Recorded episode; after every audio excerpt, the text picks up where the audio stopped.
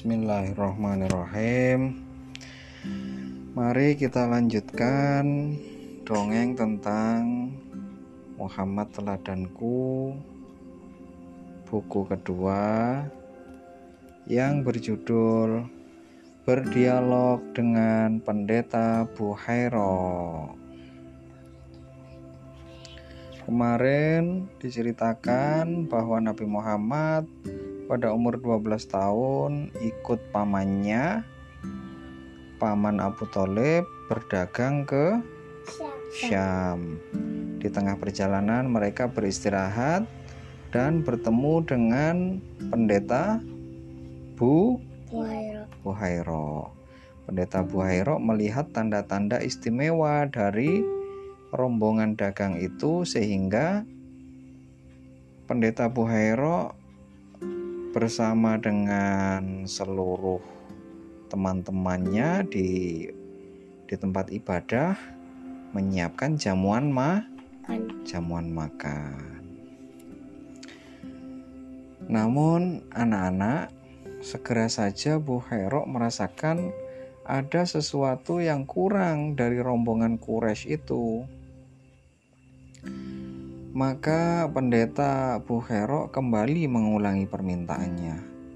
Wahai orang-orang Quraisy, jangan sampai ada yang tidak makan makananku ini, katanya. Lalu salah seorang rombongan Quraisy berkata, "Hei Buhero, tidak ada seorang yang layak datang kepadamu tertinggal, kecuali anak muda yang paling kecil di antara kami." Ia berada di tempat perbekalan rombongan. Kami tugaskan dia untuk menjaga barang-barang yang kami bawa berdagang ke Syam. Dia tertinggal di luar. Bukhero lalu menggeleng-geleng kepala. Hmm, kalian jangan seperti itu. Panggil dia untuk makan bersama kalian, katanya jangan begitu nggak dicuri. Orang-orang Quraisy itu merasa malu. Salah seorang dari mereka bahkan berkata hmm demi Lata dan Uzza adalah aib bagi kami kalau putra Abdullah bin Abdul Muthalib tidak ikut makan bersama kami. Nah, ini ucapan orang Quraisy ketika dulu ya, ketika mereka bersumpah, mereka bersumpahnya tidak dengan menggunakan nama Allah, tapi dengan menggunakan nama patung berhala yang mereka sembah. Jadi, nama berhala mereka ada yang bernama Lata, ada yang bernama Uzza, begitu. Jadi, kalau orang-orang Quraisy dulu sebelum beriman kepada Allah, mereka menggunakan nama berhala itu sebagai sebuah sumpah. Begitu. Setelah Muhammad dipanggil, Bukhara memeluk dan mendudukkan bersama rombongan Quraisy yang lain. Sambil menyaksikan tamu-tamunya makan, sebenarnya pendeta Bukhara sedang mengamat-amati tertuju kepada Muhammad dengan seksama. Muhammad kecil ya. Dari hasil pengamatannya itu, Bu Hero mengambil kesimpulan di dalam hati anak ini mempunyai sifat-sifat kenabian. Sifat-sifat yang istimewa, kata Bu Hero. Ketika jamuan selesai, orang-orang Quraisy lalu membubarkan diri keluar dari tempat tinggal Bukhara sambil mengucapkan terima kasih. Mereka lalu menuju tempat perkemahan untuk beristirahat. Namun Bukhara tidak membiarkan Muhammad kecil pergi. Muhammad kecil diajak untuk duduk dan bicara kata Bu Hero menyapa Muhammad kecil.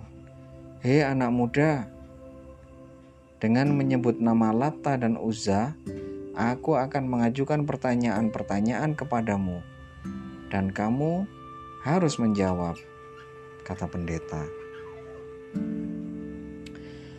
Wajah Muhammad kecil lalu berubah, dan dia menjawab, "Jangan bertanya tentang apa pun kepadaku." Sambil menyebut nama Lata dan Uzza, demi Allah, tidak ada yang sangat aku benci melainkan keduanya. Bukhairok lalu tersenyum dan mengulangi permintaannya. Tetapi tidak dengan menyebut nama Lata dan Uzza. Begini katanya. Baiklah, kalau begitu aku akan bertanya kepadamu dengan menyebut nama Allah dan engkau Muhammad kecil harus menjawab pertanyaanku. Wajah Muhammad kecil berubah ceria dan mengangguk. Silakan, tanyakan kepadaku apa saja yang ingin engkau tanyakan. Perlu anak-anak ketahui, kota Bushro, jalur yang dilewati kafilah rombongan Abu Talib adalah jalan kafilah barat yang menyusuri Laut Merah, Madian, Wadi Al-Qurra, Hijir, dan kota Bushro. Kota Bushro telah lama didirikan oleh kerajaan Romawi sebagai ibu kota wilayah Hauran untuk menahan serbuan Badui pedalaman. Di sini Badui itu nama sebuah suku di Arab sana sepertinya. Di sini Romawi memusatkan pasukan dan mengumpulkan pajak dari kafilah. Bagi kafilah sendiri, Bushro adalah pusat perdagangan paling ramai sebelum tiba di Syria yang terletak lebih ke utara. Kita lanjutkan ya. Saran Buhero kepada Abu Talib. Jadi pendeta Buhero yakin betul bahwa di dalam rombongan Quraisy itu ada seorang anak kecil yang mempunyai tanda-tanda keistimewaan yang nanti diperkirakan akan menjadi utusan terakhir Nabi dan Rasul. Pendeta Buhairo sudah membaca tanda-tanda itu. Anak-anak Buhairo lalu menanyakan banyak banyak hal kepada Muhammad kecil tentang cara tidurnya Muhammad, postur tubuh Muhammad, dan banyak lagi hal lainnya. Muhammad kecil menjawab semuanya dan semua jawaban itu sesuai dengan keadaan yang dialaminya sendiri. Kemudian Pendeta Bukhairo melihat sendiri sebuah tanda di punggung Muhammad kecil dan di situ terdapat tanda kenabian di antara kedua bahu Muhammad. Kira-kira di tengkuk ya. Di tengkuk, tahu tengkuk? Tengkuk tahu? Di sini loh, belakang leher agak turun sedikit kira-kira di situ ya.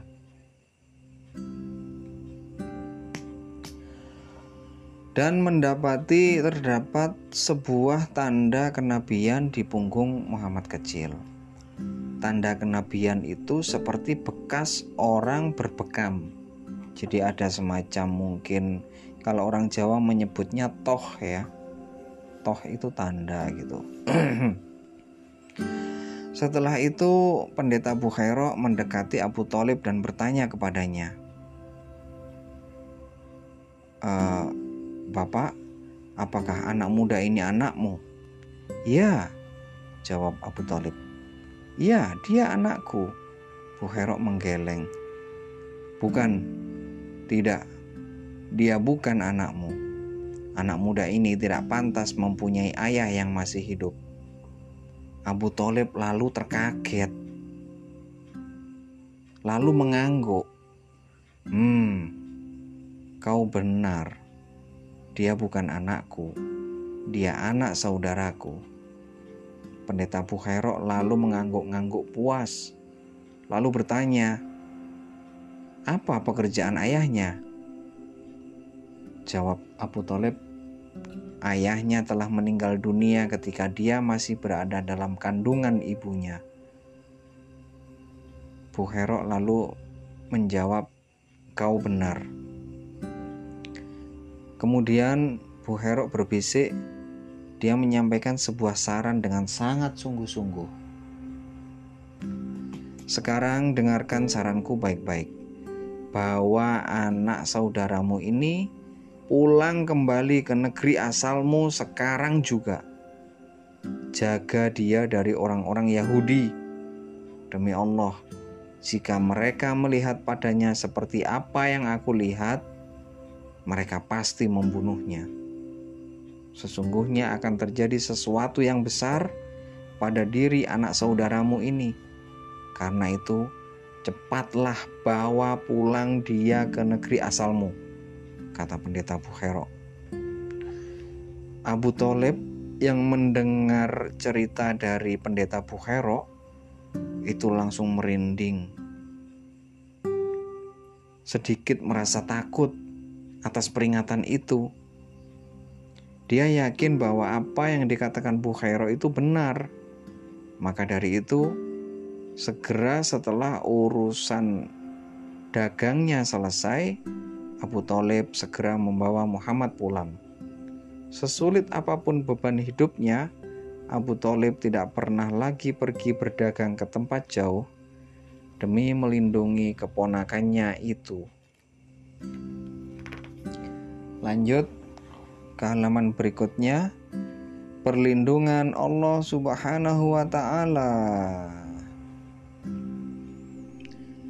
Anak-anak, untung paman Abu Talib segera melaksanakan peringatan atau saran yang disampaikan oleh Bukhairo.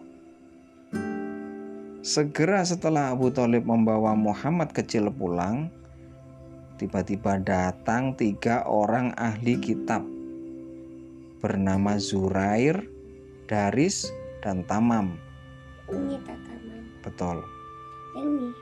Iya, sama-sama. Ayah nggak hafal yang satu-satu ya. Kira-kira aja ya.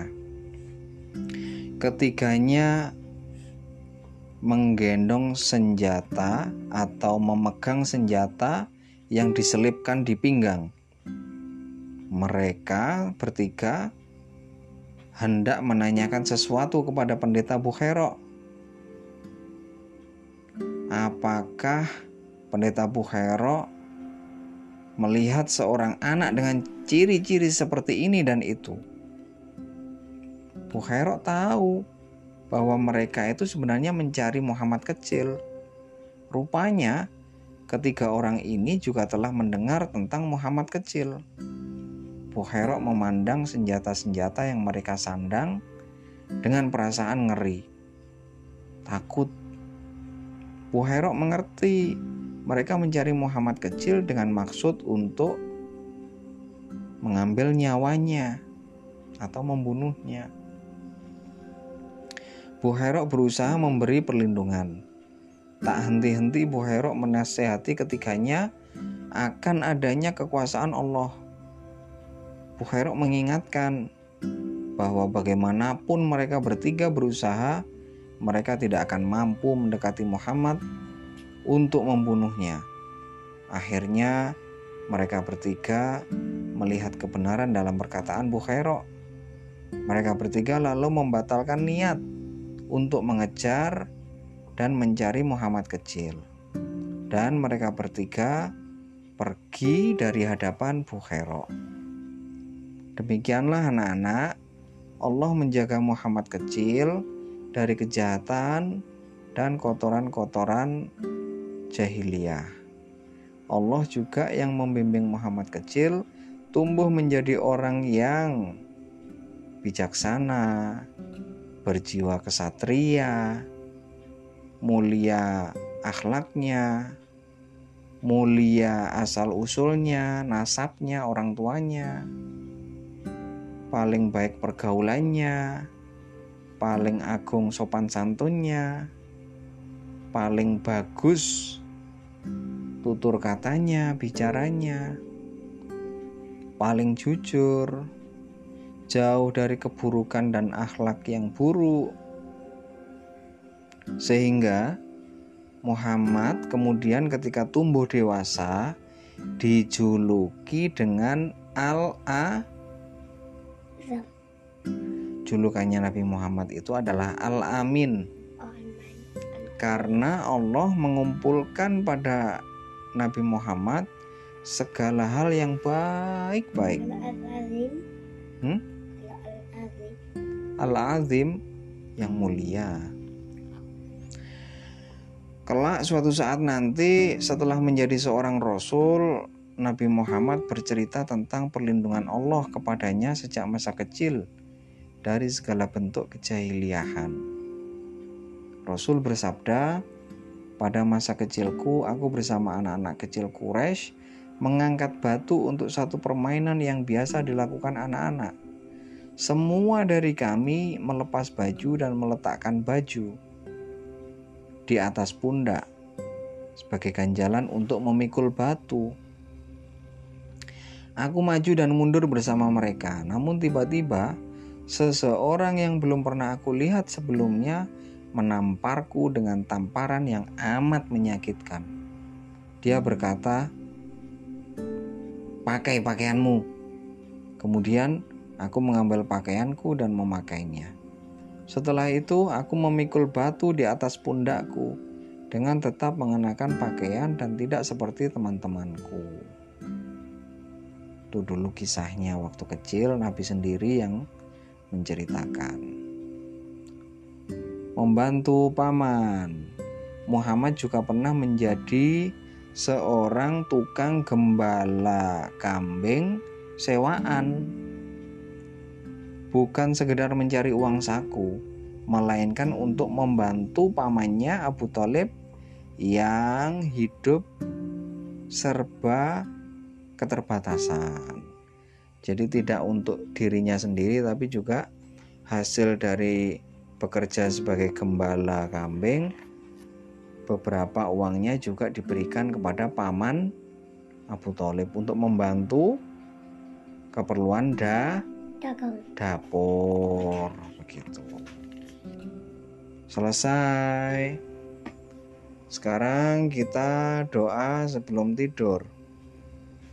Bismillahirrahmanirrahim. Ayo ikut bunyi ayo Bismika Allahumma ahya wa bismika amut. Bismillahirrahmanirrahim. Alhamdulillahi Rabbil Alamin. Ar-Rahmanir-Rahim. Maliki Yaumiddin. Iyyaka na'budu wa iyyaka nasta'in. Ihdinas siratal mustaqim Siratal ladzina an'amta alaihim Ghairil maghdubi alaihim waladdallin amin. Bismillahirrahmanirrahim. Qul huwallahu ahad Allahu samad. Lam yalid wa lam yulad Wa lam yakul lahu kufuwan ahad Bismillahirrahmanirrahim. Qul a'udzu birabbil falaq. Min syarri ma khalaq wa min syarri ghasikin idza waqab wa min syarri naffatsati fil syarri hasidin idza hasad. Bismillahirrahmanirrahim Qul a'udzu birabbin nas malikin nas ilahin nas min syarril waswasil